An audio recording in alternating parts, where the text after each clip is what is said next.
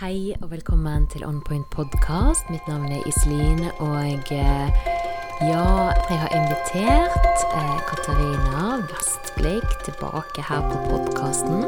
Hun har vært med tidligere og snakket om astrologi, og eh, ja, jeg møtte jo hun da i forbindelse med et foredrag som hun hadde i begynnelsen av 2020.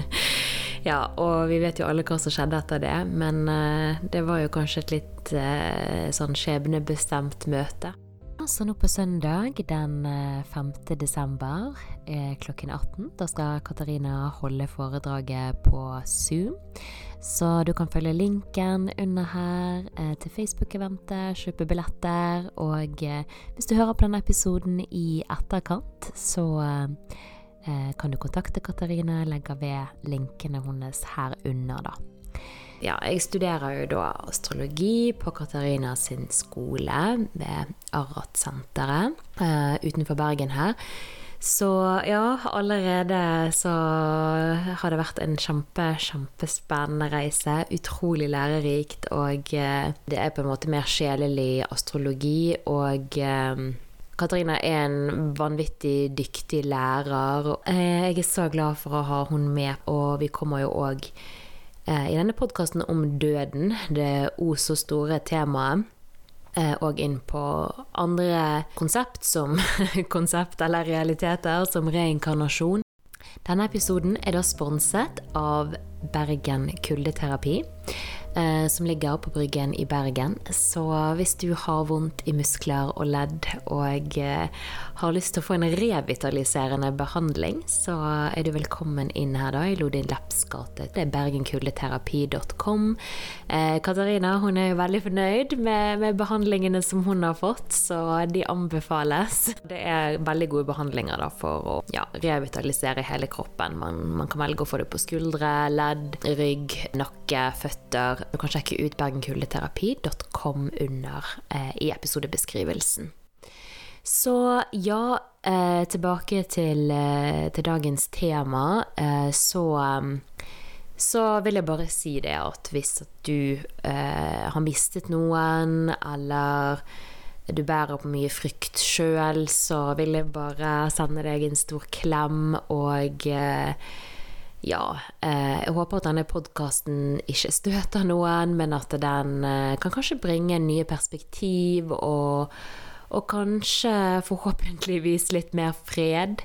Det er ikke lett å forsone seg med denne realiteten vi lever i, der, der døden er eh, et faktum. Det er det eneste vi kan være helt sikre på at vil inntreffe en dag, da, så ja, jeg håper at du vil lære noe nytt. Og eh, ja, del gjerne denne med podkasten med noen andre hvis du syns at den eh, er interessant og lærerik. Og eh, ja, følg gjerne og med når du hører på podkast. Så da er det bare å dykke inn i døden. Dun, dun, dun, dun. Hei, Katarina. Hallo. Velkommen tilbake til On Point Podcast. Tusen takk. Jeg føler du er liksom min, min yndlingsgjest. så gøy! Vi har forresten vært på flere, flest ganger. uh, føler meg beæret. så, så, hyggelig. Men du, jeg har jo invitert deg med i dag, da. Uh, ja, vi kommer kanskje litt inn på astrologi òg, selvfølgelig. Men uh, mest av alt da for å snakke om det ganske tabubelagte temaet døden. Mm. Um, og eh, ja, jeg studerer jo astrologi hos deg, da, og eh, ja, jeg har jo mye skorpion sjøl, så jeg er jo veldig fascinert og interessert i denne tematikken. det er jo litt linket mot det åttende huset òg, eh, mm -hmm. som er skorpionen sitt hus, da. Så ja, nå er jo Scorpio season ferdig. Eh, det er jo en tid, eh, kan du bekrefte, der sant, veil, dette sløret mellom verden, er litt tynnere rundt sånn halloween. Eh, men nå, før jul, det er jo litt sånn en Hva skal vi kalle det? En dødssesong? På mange måter. Først vil jeg bare si at jeg kan, Skorpionsesongen er over i forhold til at solen eh, har gått ut av skorpion og inn i skytt. Men man kan si at til neste år vil være et veldig sånn skorpionsk år, da. Eh, og et år der vi alle sammen må ha noen kamper med våre egne skygger, da. Så skorpion handler jo om alt som er tabubelagt. Og døden er jo et av de mest tabubelagte tema man egentlig kan snakke om. Um, det at vi sier at det er en dødssesong, det er at det er veldig mange som rett og slett velger å gi slipp rett før jul. Og som reiser over. Det er nok statistikk på. Jeg vet ikke om det er sånn over hele verden. Uh, men det er jo på den aller mørkeste tiden i året. Som da gjør òg at vi ser mye mer innover automatisk. Og man kjenner da på veldig mye som man gjerne ellers ikke kjenner på. Det kan også være mye vanskelige følelser rundt jul òg. Som har gjerne med familie å gjøre, og nærhet. Og så det er ofte en tid der en del mennesker rett og slett bare slipper taket. Og man kan også se på det som en form for portal, kanskje, rundt vintersolverv 21.12. For det er akkurat da lyset kommer tilbake til oss. Og jeg tror det er en, en form for portal, et slags veil, som du sier, mellom denne verden og den andre siden. Ja, og døden, det er jo eh, egentlig et ganske stort tema om dagen. Sant? Du har jo vært med før og snakket om, om de utfordringene vi er gjennom nå, da, eh, som menneskehet. Eh, selvfølgelig kommer du inn med ditt, eh, ditt esoteriske perspektiv. Um, har du lyst til å fortelle kanskje litt mer hvor du kommer ifra når vi snakker om denne tematikken? Ja. Altså Bakgrunnen min er jo i hovedsak å studere esoteriske lærdommer, da, kan man si. Og en del bakgrunn i teosofi, da. Og for de som ikke vet hva det er for noe, så er det egentlig det å bringe alt sammen. Eh, og prøve å finne ut av hva som egentlig foregår da, på alle nivåer og plan. At det ikke er noe dogma, men at man skal kunne studere både vitenskap, alle religioner, alle mysterietradisjoner, mytologi som tilhører alle kulturer. Og så skal man da resonnere seg frem til hva det er som er likt, hvor de røde trådene er, og så kunne se et mye større bilde. Istedenfor å bare på en måte ta én retning, og så blir det andre feil, eller Så er det en måte å Som man også kan kalle metafysikk. Det er en mer spirituell form for vitenskap, rett og slett. da. Ja, dette er så interessant. Men eh, når det gjelder esoterisk astrologi òg, da, så syns jo jeg at det er utrolig spennende, eh, selvfølgelig. Men kanskje du bare forteller litt om, om, om den forskjellen der som, som, treffer litt av denne tematikken, døden. Denne Vi har jo snakket i husker i siste episode bare nevnte vi sant, at vi, at vi konstaterte reinkarnasjon òg som et faktum da, når vi snakket. um, akkurat når jeg snakker om døden, uh, så er ikke det nødvendigvis direkte linket til esoterisk astrologi, da.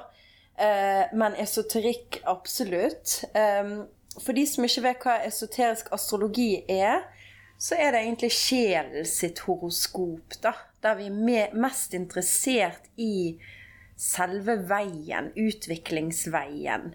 Der klassisk astrologi er mer personlighetsfokusert for de som ja, ønsker å danne en sterkere og robust personlighet, og alt det klassiske som de fleste er interessert i. sant? Eh, kjærlighetsliv og jobb og alt det dagligdagse, da. Mens esoterisk astrologi er mer for de som egentlig har begynt, kan man si, å gå veien, da de som har begynt å jobbe med seg sjøl og se innover etter svar da, istedenfor utover. Og er på veien da til å bli mer sensitiv og lytte til sin egen sjel for å vokse. Ja, og, og, det som jeg tenkte på her, det var jo det at sånn, vi går gjerne eh, sant, i psykologi òg tilbake til barndom. Eh, men når man får en lesning med deg, sant, så kan du gjerne spørre sant? Tror du på tidligere liv? Sant? Og at det gjerne det du kommer inn med i livet, eh, det syns jeg er veldig interessant òg i forhold til tematikken døden. Sant? At eh, det, du har jo med deg talenter og, og kunnskap eh, som stammer langt tilbake i tid. ja, altså jeg går jo ut ifra reinkarnasjonsprinsippet, da. Eh, når jeg gjør eh, lesninger. Og det er jo på en måte reinkarnasjon som går igjen egentlig i de fleste tradisjoner hvor som helst, egentlig. Man har bare litt forskjellig syn på hva som skjer i etterlivet, da. Um, men i en uh, lesning så er det sånn at man da blir født på det perfekte tidspunktet, egentlig, da, der ting står til rette på himmelen for at din sjel skal gjenkjenne noe med den energien. Magnetisk betrukket mot inkarnasjon igjen. Og når man da blir født, så begynner man litt der man slapp forrige gang, bare med et fullstendig nytt utgangspunkt. Nytt miljø, nye gener, ny kropp.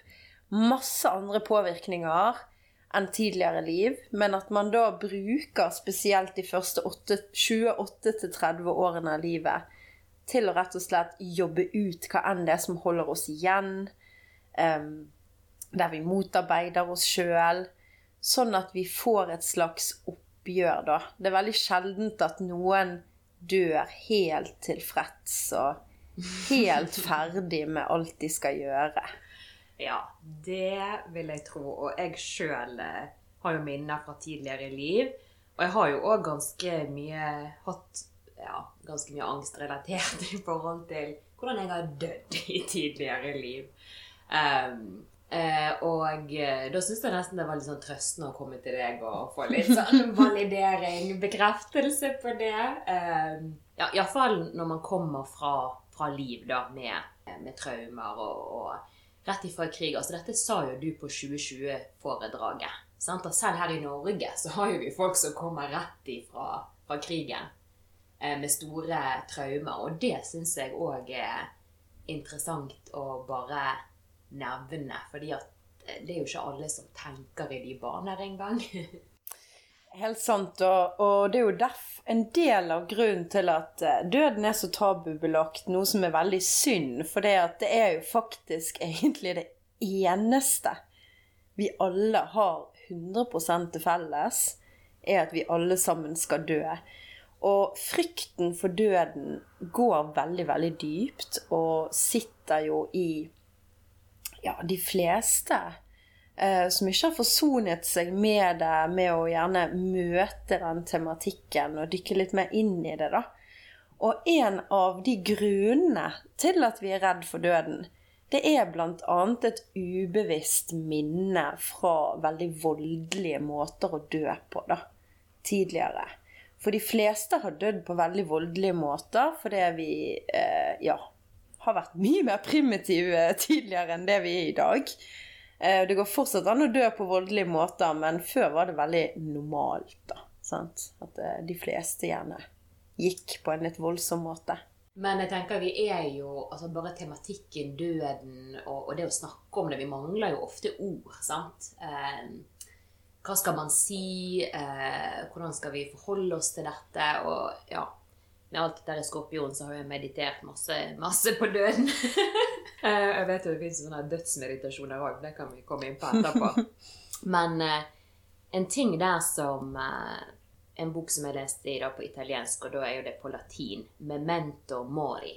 Husk at du skal dø. sant? Mm. Dette her i, i middelalderen, blant annet, sant? Så, så var jo døden mer tilstedeværende. Sant? Det var jo mer eh, pest og fanteri og mm. eh, Ja, rett og slett, som du sier, mer primitive tider, da. Så det, er jo liksom, sant? det var jo alltid til stede som en påminner, men nå gjemmer vi kanskje mer vekk disse her som skal dø ifra samfunnet. Um, men nå er det med å huske at du skal dø. Du skal ikke fortape deg helt i dag. Det er jo den dualiteten i det. Ja, vel Det er jo sånn hvis man ser på døden som noe negativt nå. Eh, og det er det egentlig ikke. Tingen er det at vi er veldig redd for døden, som sagt pga. hukommelse av voldelige måter som har ført til at vi dør. Men det er jo på en måte ikke selve døden allikevel. Um, det er ofte frykten for det ukjente uh, og det å forlate sine kjente og kjære som eh, spiller inn, da. Men det jeg kommer til å Altså, det jeg har dykket inn i når jeg har sett på døden, det er jo den egyptiske dødeboken og den tibetanske dødeboken. For det, det er de som på en måte har man kan si dykket dypest inn i døden. Og tibetanerne har jo fantastiske dødsritualer når en av sine kjære dør. De har et veldig nært forhold til døden. Og eh, et veldig avslappet forhold til døden. Fordi de forstår døden fra et helt annet perspektiv. Og man kan si at mye av det vi gjør rundt døden, det er at vi, det er, det at vi frykter han så mye, da. Og fra et esoterisk perspektiv så er det snakk om noe helt annet i det dødsøyeblikket inntreffer. Det er derifra jeg er på en måte interessert i den reisen som skjer da etter døden er inntruffet.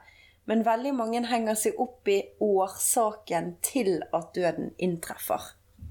Og så er de redd for den. Ja, det er så sant. Og det er veldig mye innenfor de tradisjonene som du sa der. Da jeg har jo bare litt kunnskap eh, om, om de to eh, dødstradisjonene der, da.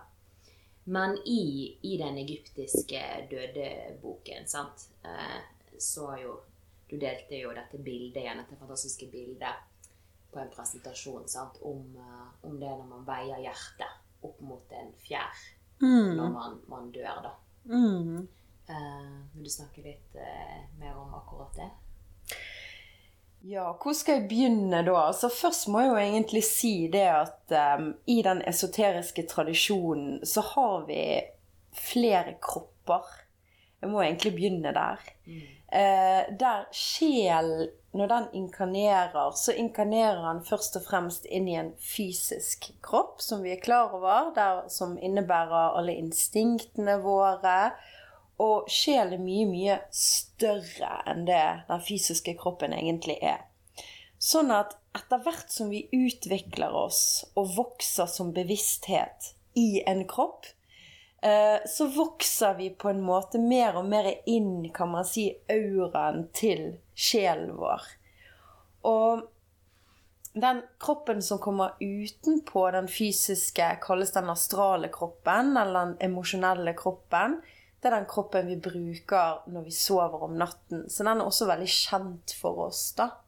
Drømmekroppen, kan man si. Eh, og nå tar jeg det veldig overfladisk og enkelt her også. Uh, utenpå der igjen så er det den mentale kroppen, som innebærer tanker og logikk og intuisjon fra et høyere perspektiv. Og vi kan egentlig bare forholde oss til de tre kroppene, for det er veldig sjelden at et menneske lever fullt og helt på det intuitive plan uh, mens vi er her. Det får mer glimt, kan man si. Mm. Um, og når dødsårsaken da inntreffer, så har vi også noe som kalles den eteriske kroppen. Som også er den kroppen de fleste healere tuner seg inn på da, når man da behandler folk osv. Og, og det er mer summen av disse tre kroppene. Sånn at man kan tune inn på den eteriske kroppen og sjekke hvordan det står til i, i det store og det hele med mennesket, både på det emosjonelle plan og fysiske plan og tankeplan. da. Og det første som skjer når døden inntreffer, det er at den eteriske kroppen blir på en måte revet ut. Og den eteriske kroppen den er også knyttet til hele nervesystemet vårt. Sånn at det gjør ikke vondt å dø. Det første som forsvinner, det er egentlig den følelsen og, og mulighet for smerte, kan man si, i kroppen. da. Eh, og derfor kan man også se når folk dør, at de blir ofte veldig avslappet idet de dør. Så kan man på en måte se en sånn ja, avslappenhet. At det er liksom De kan være stresset før de dør, men idet døden inntreffer, så ser det ut som det er egentlig ganske behagelig. Og det som skjer på det astrale plan, der man våkner opp da, når den fysiske kroppen er død Det som går igjen, det er at folk forklarer at de ser sin egen fysiske kropp ligge igjen Uh, og dette har jo gått igjen både vitenskapelig og undersøkelser som er i forhold til folk som har nær døden-opplevelser eller blitt erklært døde og kom tilbake, da. Men på dette astralplanet, det er en bardo, som tibetanerne kaller det, at da våkner man opp i en annen dimensjon, i den andre kroppen. Og så må man på en måte leve et slags liv, eller man må gjennom en prøvelse på det planet der, da. Og da går det veldig mye på alt det emosjonelle man har opparbeidet gjennom livet sitt. Og det kan være uforløste ting, det kan være avhengigheter. man må på en måte renske opp i den kroppen der før den kan dø, og man kan gå videre til det mentale plan. Og når man våkner opp i det astrale, så er det noen ganger veldig forvirrende for noen mennesker, fordi de er så vant til å være på drømmeplanet, vi er jo der hver natt, at man legger ikke nødvendigvis merke til at man er død. Eh, det kommer selvfølgelig an på dødsårsaken. Man kan leve lenge der i en illusjon eller i en drøm uten å egentlig oppdage at man er ferdig, at det er ingen vei tilbake igjen til den fysiske kroppen lenger, da. Og da kan man basically leve et helt liv der, oppe i, i følelsessystemet, kan man si. Men når man innser da at dette er en illusjon, så vil man da gå videre.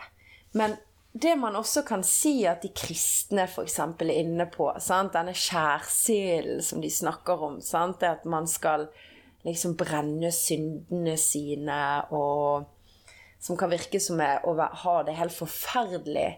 Men det er egentlig mer en metafor for det som skjer på det planet der. Fordi at hvis du er sulten fortsatt, veldig sulten på noe, om du er veldig sulten på mat, og du pleier gjerne å døyve følelsene dine med mat, f.eks., eller med rus, eller hva det måtte være, så er ikke de cravingsene borte fordi om kroppen din er borte. Du har bare ingen kropp lenger som kan tilfredsstille de cravingsene. Så derfor blir det en sånn utsultet, eh, sultne eh, Ting som skjer, som da også kalles skjærsilden. Der du renser ut alt det som egentlig styrer deg, da. Fordi at du som sagt ikke har noe kropp til å tilfredsstille det lenger. Så må du takle det emosjonelt istedenfor.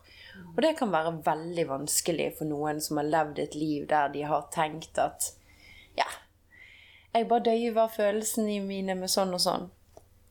Og når du da dør der og kommer videre til mentalplanet, så har det veldig mye med hjertet å gjøre. Og da kommer det også an på hva liv har du levd, sant. Og det å kunne veie hjertet sitt med en fjær. Det er jo selvfølgelig en metafor på et veldig rent hjerte, sant? som er sant og, og ekte og harmonisk og, og full av kjærlighet og innsikt, egentlig, da. Så det som er så interessant Nå går jeg som sagt veldig overfladisk gjennom det. Men det som er så interessant med å studere døden, det er at vi er nødt til å tenke over hvordan vi lever. Fordi vi kommer 100% til å møte oss sjøl i døden. Ja, og det var akkurat eh, det jeg tenkte på i eh, ja, altså Huske på døden når vi lever. Da, sant? Ikke bare for at vi skal liksom gå inn i frykten, men for at vi skal, vi skal huske på det at vi faktisk lever. At det er på begrenset tid. Jeg, eh, jeg, bruker jo sjøl faktisk døden som motivasjonsfaktor i mitt liv. Altså nesten som en coach. Iselin, remember you're gonna die. Liksom. Gjør det du vil.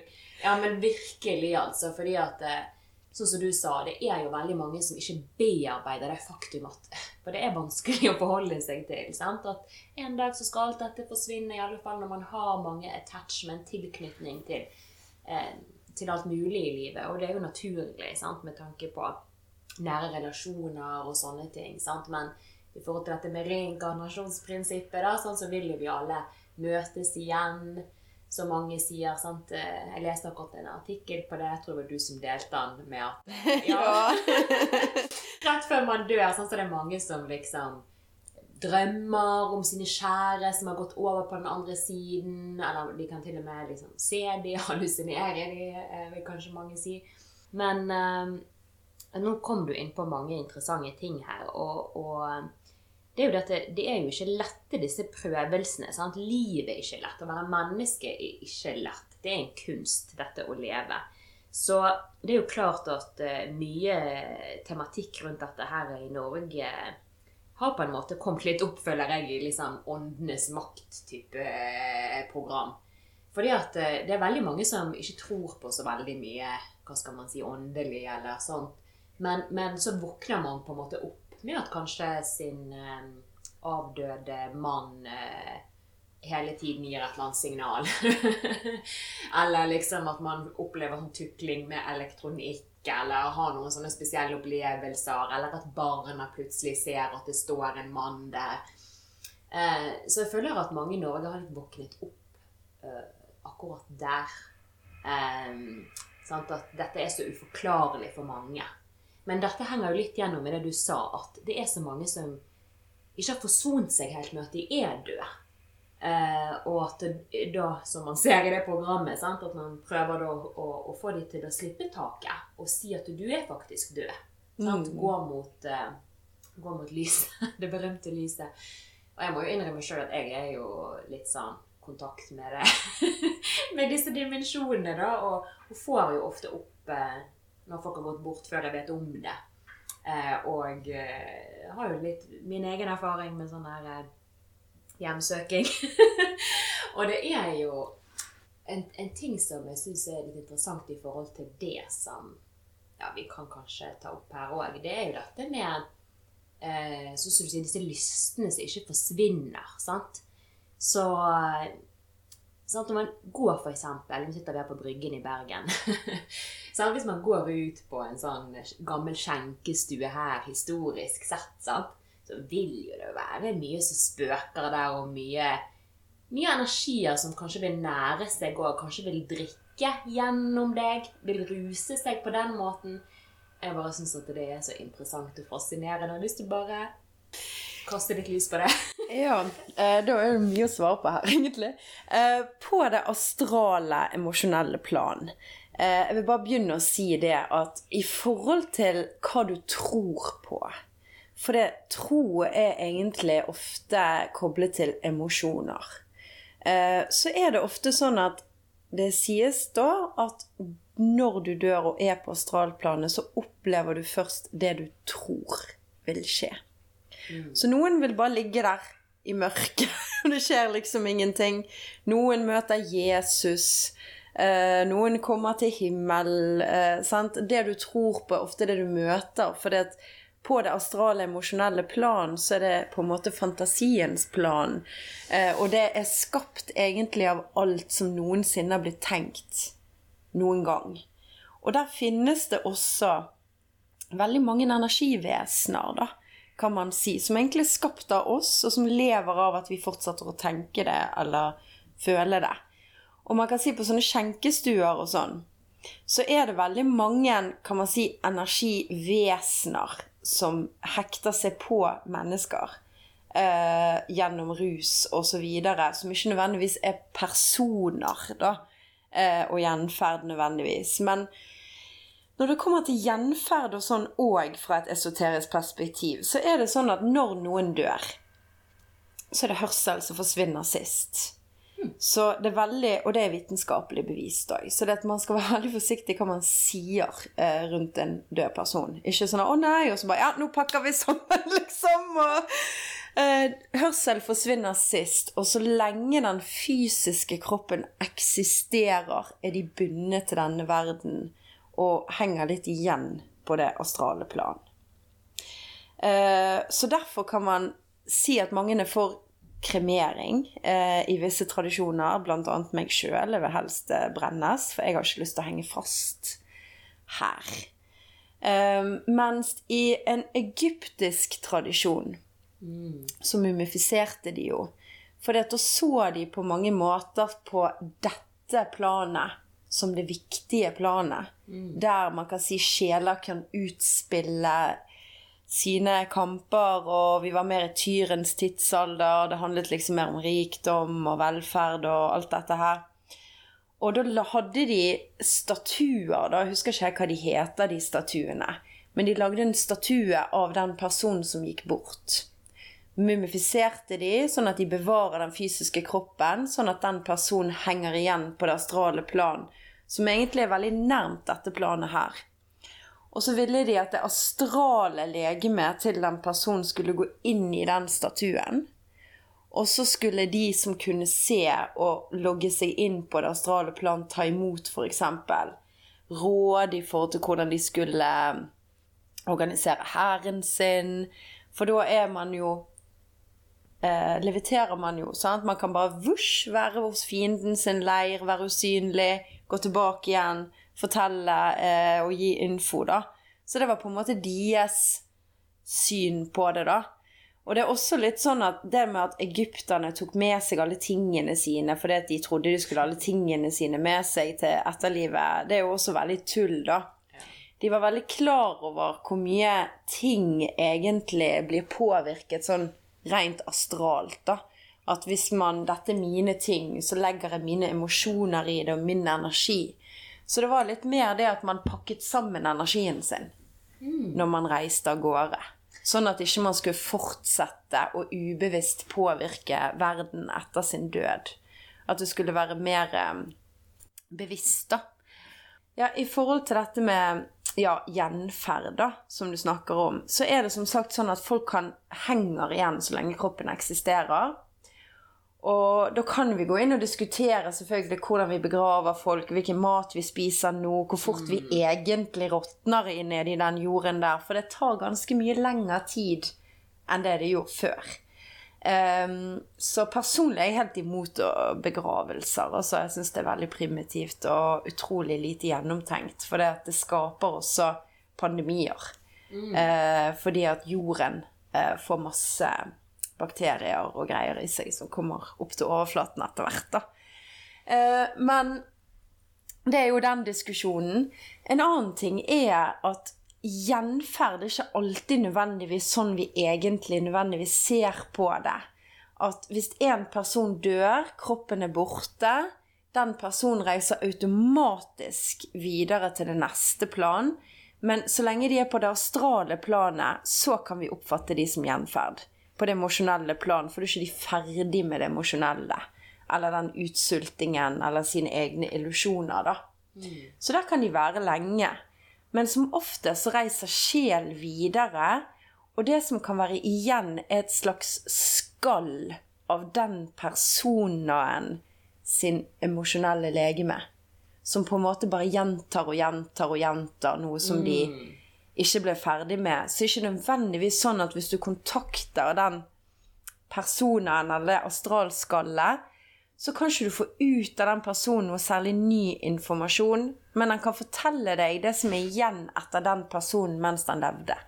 Ja. Sånn at den informasjonen ligger igjen som et ekko Mm. Men du kan ikke si 'Hei, hvordan går det med deg?' og 'Hva syns du om hva jeg gjør i livet mitt nå?'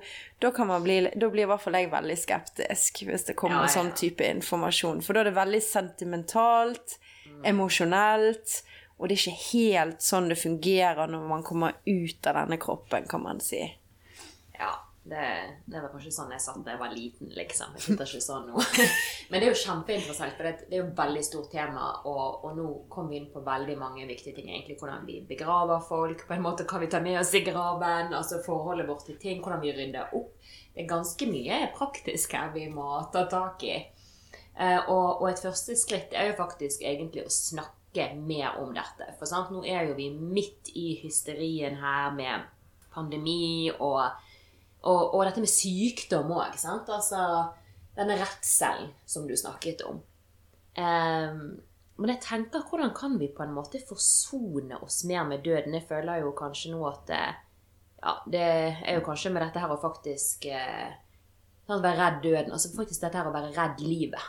Mm. Hvordan, hvordan kan vi begynne å leve eh, som om du skulle dø i morgen? det er der sitatet. Eh, tror du at det er litt Ja, hvordan skal vi hanskes denne, denne angsten? Vel, For det første så må vi ta ansvar for egentlig alt som foregår inni oss sjøl.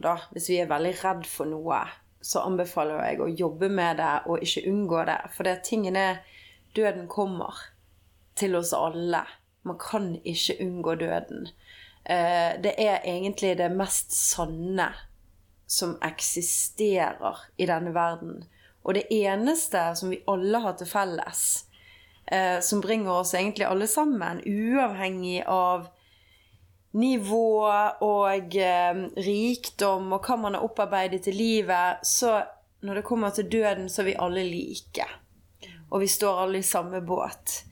Tingen er jo det å ta ansvar for døden. Og leve med døden på skulderen. For du vet aldri når han tepper deg, og det er din tur til å reise. Og det kan skje når som helst. Og jeg er enig med dette her med at frykten for døden er det samme som frykten for livet. Men samtidig så er jeg ikke helt enig med det der at man skal liksom bare leve som om man skal dø i morgen. For da kan man plutselig gjøre masse dumt. Eller leve veldig sånn begjærfokusert, da. Men mer det å ta ansvar for døden i forhold til at hele livet er en forberedelse til døden. Og hvordan du kommer til å gå gjennom disse dødsprøvelsene. Det kan man si den store eksamen. The ultimate trip. Sant? Eh, Folk gjerne som holder på med psykedelia osv. Man kan si det kan være en måte å øve seg på å dø, hvis det er det du er, er klar for å møte. Det samme med å sitte og meditere. Det å ordne opp før man dør. Rydde opp etter seg. Sant? Ikke bare la masse gjeld og eh, nedstøvede møbler og alt mulig være igjen til dine elskede som må rydde opp etter deg, eksempel. Sant?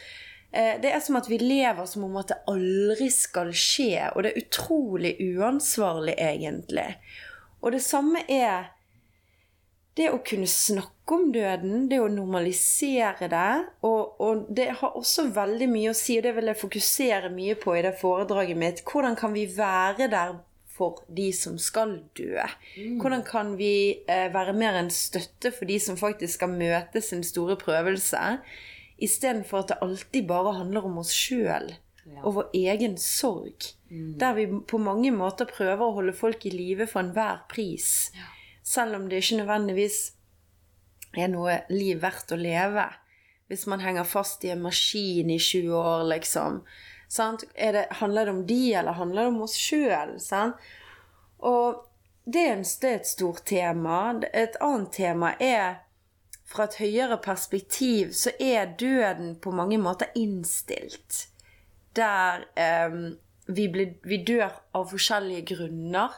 Vi kan dø fordi at sjelen vår er ferdig med den oppgaven vi er her for å gjøre. Og da vender vi på en måte tilbake igjen. Man kan være så langt vekke fra oppgaven sin at uh, man rett og slett bare Ja, ristart, Vi begynner på nytt, liksom. um, man kan også være en, død pga. at man er en del av en ulykke. Og det er ofte forbundet med at man er uforsiktig. Sant? Man er ikke til stede av en eller annen grunn. Man detter ut, man følger ikke helt med. Sant? Så det er ikke nødvendigvis meningen fra et sjelelig perspektiv, men det kan skje. Og, og så har man drap, eksempel. Det er en grunn for at drap er den største synden i religioner. Og det er fordi at da ødelegger man for den sjelsreisen. Sant? Man ødelegger for at noen bygger opp til å forstå sin egen sjelsoppgave. Og så ødelegger man og trekker de tilbake igjen før de er rede for å egentlig reise.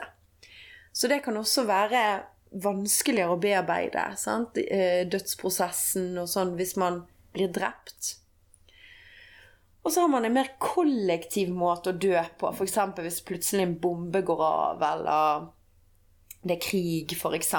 Da er det mer Det er ikke en individuell reise, egentlig. Det har ikke noe med din individuelle sjelsreise å gjøre, men det kan ha noe med mer kollektiv reise å gjøre. Som kan ha forskjellige nivåer av grunner. Og så har man da pest og pandemi. Eh, som egentlig kan basically ta hvem som helst. Det spiller ingen rolle. Og det er jo det som ofte er veldig sånn opphypet i det spirituelle miljøet. Det spiller ingen rolle hvilket spirituelt nivå du er på, fordi du har en kropp. Og alle kropper kan bli påvirket av pest og pandemi. Men når det kommer til andre typer sykdommer, så er det ofte veldig personlig. Der sykdommen gjerne som oftest oppstår på det emosjonelle plan, det utvikler seg, til slutt setter det seg i kroppen. Og så kommer det an på om det er for seint når man oppdager det, eller om det går an å reversere det på en eller annen måte, da. Altså, det er utømmelig med kunnskap du har her, altså. Det er jo bare fantastisk å høre på. Så det blir spennende med dette foredraget, altså. Fordi altså øh, Komme litt tilbake til, til, til det daglige så er jo denne her søvnen en såkalt sånn minidød. Mm. Der vi går ut i det astrale, da. Det er jo veldig fascinerende. Sånn som du sier, de aller fleste som kanskje hører på, har jo opplevd dette her, at du plutselig bare liksom nesten opplever at du faller. sant? Fordi at mm. du faktisk har gått opp i den astrale kroppen, mm. og så mm. våkner du opp og bare Shit! At du faktisk falt. Det er jo veldig ubehagelig, syns jeg sjøl. Men, men, det er jo en liten sånn uh, Liten sånn daglig øving på døden. folkens. Men det er jo noen som tar dette ekstreme lengder. Ja, man kan eksperimentere med, med alt mulig, men med denne dødsmeditasjonen, altså som folk gjør, bare graver seg ned. Altså, der får jeg helt åndenød. Jeg tror jeg må ha blitt liksom Ja, drept på den måten. For jeg får helt hetta av, eh, av av det scenarioet. ja, du kan jo gjøre spa-versjonen, da, som vi har i dag, og, og gå i flytetank istedenfor. Og bli gravd ned med edderkopper og makker og sånn. Så er det litt mer spa-versjonen av å øve seg på det. Nei, det òg. Altså, det er bare et mareritt for meg. Eh, bare å ligge i en flytetank som virkelig er spa-versjon uten alt det der krypet oppi, syns jeg får jeg sånn klaustrofobi. Jeg har jo ikke prøvd ennå, for jeg har sånn frykt mot det, så jeg får vel bare møte det. Ja, det er jo det er jo folk, det har jo skjedd med folk. Det kan også være et minne fra et liv. For det, var jo en del av innvielsestradisjoner. sant? Og det, jeg har også en venn, eh, en kamerat i India, som har gjort det der. Blitt gravd ned i tre dager for å liksom møte sine egne skyggesider og sånn i en mer sjamanistisk indisk tradisjon, da. Så det er jo, det er jo mer den det vi gjorde mer før, så gjorde jo vi alt mye mer fysisk. sant? For da gikk vi mer fra det fysiske plan til det emosjonelle plan. Mens nå så er vi mer gående fra det emosjonelle plan til det mentale plan. Så vi trenger ikke nødvendigvis å, å gjøre det til det så ekstreme lenger. Man kan faktisk Man har mye mer abstrakt tankegang. Man har mer eh, mulighet til å projisere seg sjøl gjennom dimensjoner, gjennom meditasjon og den type tilstedeværelse istedenfor, da.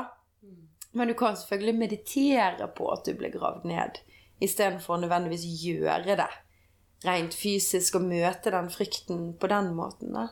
Ja, det er sikkert det jeg har gjort. Men, men jeg tenkte på dette her med eh, egentlig òg eh, begravelse. For jeg føler, sånn som du sier, sant, at nå er det flere og flere som blir kremert, og ikke plass i jorden lenger. Og sånn som du sa, med tanke på hvor masse E-stoffer og greier og medisiner vi har i kroppen, sånn, så vil vi ligge der i hundretusener av år sikkert. Vi blir jo aldri råtne. Eh, så jeg får vel bare bestille kremering. Men jeg tenkte jo på dette her med at jeg føler sånn begravelse òg er bør eh, Hva skal vi si pusses opp. Bør, eh, bør få en glow-up her fra at alle går i svart. Og det er jo mange som tenker nei, når jeg dør, mange bestiller dette, da vil jeg at folk skal feire det livet jeg levde. Sånn som du var litt inne på, istedenfor å sitte i sin emosjonelle sorg og eh, og faktisk at man, man, kan feire den personen, og, og, den personen er jo på Vil vi håpe et, et mye bedre sted. Altså dette her at eh, kommer jo ikke sånn som du sier, med en gang til himmelen, eller hva det er du tror på. Sånn, Det er prøvelser her. Sant? Så kanskje du går inn mer på det i foredraget, jeg vet ikke, men det er på en måte mange som, som driver nesten sant? Eh, Hjelper de med å dø her fysisk, men så er det mange som hjelper de òg i prosessene, har jeg hørt om. Mm. Ja, jeg kommer til å gå mye mer systematisk og nøyere inn på de forskjellige nivåer og prosesser og sånn i foredraget. Men ja, for det første så er jo det sånn at når en person dør, ideelt sett, så skal man få lov å beholde kroppen sin i rundt syv dager. Ja. Før den kremeres. Det har jeg klar beskjed til ungene mine. Hvis det er mulig, der jeg eventuelt detter om, la meg ligge. I noen dager, i hvert fall minst, eh, før jeg blir kremert. For det man skal også ha en mulighet til å bearbeide Ja. at man har dødd eh, på det emosjonelle plan. Og når man da er en pårørende, så er det greit å vite det at den som har dødd, blir jo trukket mot den de elsker. Sant? Og da har ikke de lenger en kropp, de har ikke noe skiller eller en fysisk verden som begrenser de mer. Sånn at de vil jo gjerne den uken eller lenger reise rundt og faktisk være til stede hos de menneskene de, kom, de har, er glad i, da. Kjærligheten trekker det. Og det er ofte det som trekker mange mennesker tilbake i inkarnasjon òg, er kjærligheten til de de har forlatt. Sånn at det er veldig viktig å tenke over hva man sier, hva man føler, og hva man tenker. Eh, fordi at når en person har gått over, så får de med seg alt. De kontakter gjerne ofte pårørende på drømmeplanet, så man begynner ofte å drømme om dem. Mange kan gjerne tenke at Oi, shit, jeg drømte jo om den personen akkurat idet de døde, når jeg ikke visste at de døde. Fordi at de ofte kommuniserer det de kan til de menneskene de elsker. Og hvis vi bare skal sitte og gå helt i dass, og hele livet over, og helt forferdelig at den personen har forlatt oss, så gjør vi det faktisk veldig vanskelig for den personen som ikke har noe som helst mulighet til å komme inn igjen i kroppen sin. Det er ikke noe valg. Og da kan vi faktisk bidra til at vi holder de igjen. For de vil ikke såre oss, de har ikke lyst til å forårsake oss så mye smerte. Sant? 'Jeg elsker jo deg, jeg har ikke lyst til å gå fra deg, men jeg har ikke noe valg.' Sant? Og her, se hva jeg har gjort. Jeg har ødelagt så mange mennesker jeg er glad i. De er jo helt knust. Sant?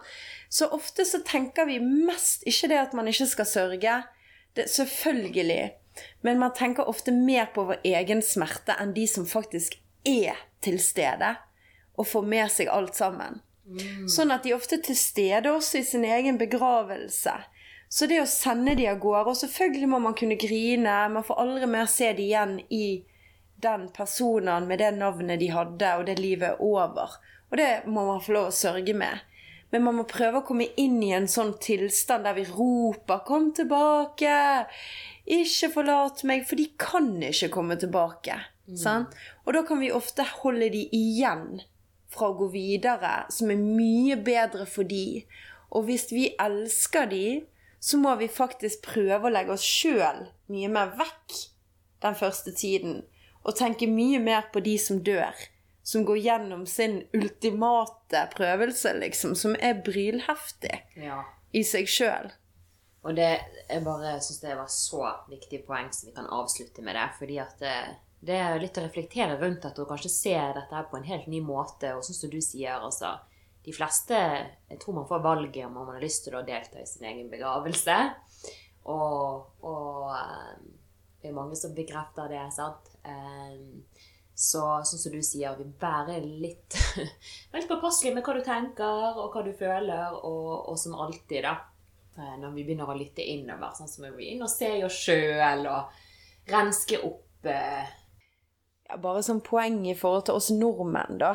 At vi har jo et veldig, veldig fjernt forhold til døden. For det er veldig sjeldent at vi ser død i dette samfunnet her. Og det er jo litt rundt den pandemien òg at vi gjerne ikke tar det helt alvorlig.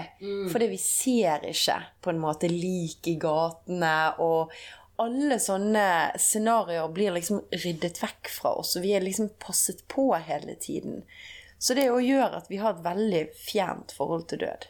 Og de fleste har aldri sett en død person i hele sitt liv. Og det er jo akkurat det med å stue folk vekk. sant? Altså, vi burde, Jeg er for at vi burde ha mye mer forhold i dette livet. Pass på sant? hvem du omgir deg med. er det bare folk på din egen alder? Sant? Ha alltid kontakt med, med, med folk hvis du kan hvis du ikke har egne liksom, besteforeldre, trenger ikke være din egen familie sant? Bare det å være frivillig for en gammel dame, eller mm. snakke litt med nabokonen din, høre litt på henne. Og så selvfølgelig barn, da. Mm. Vær litt i kontakt med begynnelsen og, slutten på livet. Mm. For det hjelper deg òg å bli litt mer bevisst på, på For det er jo òg en, en, en, tematikk i forhold til det. Sånn. Vi er jo livredd for aldring. ja.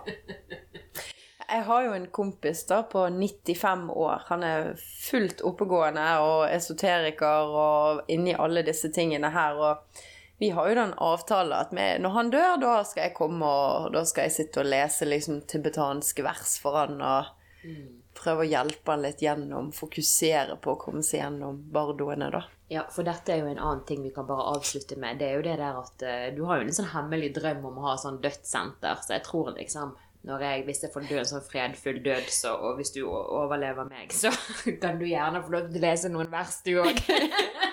Inkarnasjonssenteret drømmen. Både fødsler og å komme for å dø og forsone seg. Men jeg tror det, det, er mer og mer eh, mulighet for at det kan bli en realitet. For det at jeg ser egentlig at det er mer og mer sånne ting som popper opp for tiden. At man kan komme til enkelte steder for å forsone seg med selve dødsprosessen. Det er ikke sånn at man må ligge for døden nødvendigvis. Og dette oppstår flere og flere steder, så ja, det er min drøm, da. Lage en sånn dome i en eller annen tropisk eh, skog med noen japanske meditasjonshager og biblioteker og barn og gamle i harmonisk samspill. Noen skal dø, noen blir født. Same, same. Ja, livets gang. Ja, nei, med den tonen så får vi drømme om dette her videre. Altså, det er jo bare høres jo helt fantastisk ut. Ja, jeg bare syns det var eh, fantastisk å få deg på besøk og få lov til å snakke om dette. For det er så masse interessant tematikk, og, og igjen, da, sant, hvis man har lyst til å lære mer fra denne fantastiske visdomskvinnen, så må man melde seg på dette foredraget. Og hvis man hører det i ettertid, så tror jeg man har muligheten til å få kjøpt det sant? på mm. sånn opptak. Så mm. da kan legge alle detaljer under i, i beskrivelsen her òg, hvis man vil kontakte Katarina òg. Eh, så ja, da får jeg bare ja, ønske deg lykke til. Når var det du skulle ha det? Var det på søndag den eh? Søndag 5. desember på kveld. Ja.